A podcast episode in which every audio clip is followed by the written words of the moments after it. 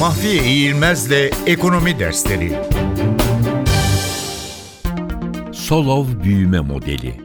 Nobel Ekonomi Ödülü sahibi Robert Solov'un aynı zamanda neoklasik büyüme modeli olarak da adlandırılan ekonomik büyüme modeli, tasarruflardaki, emek arzındaki artış oranının ve teknolojik gelişmenin işçi başına üretimi ne şekilde etkileyeceğini ortaya koymayı amaçlayan bir modeldir. Solov modeli, işçi başına düşen çıktı miktarının işçi başına düşen sermaye miktarının bir fonksiyonu olduğunu ileri sürer.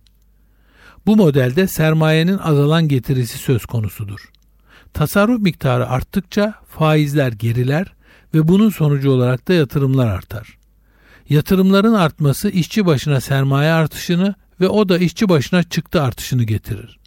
Buna karşılık sermaye miktarı sabitken işçi sayısının artması işçi başına sermaye miktarının ve dolayısıyla işçi başına çıktı miktarının düşmesine yol açar.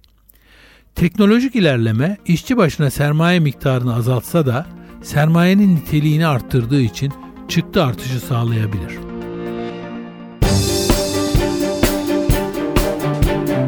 Mahfiye İğilmez'le Ekonomi Dersleri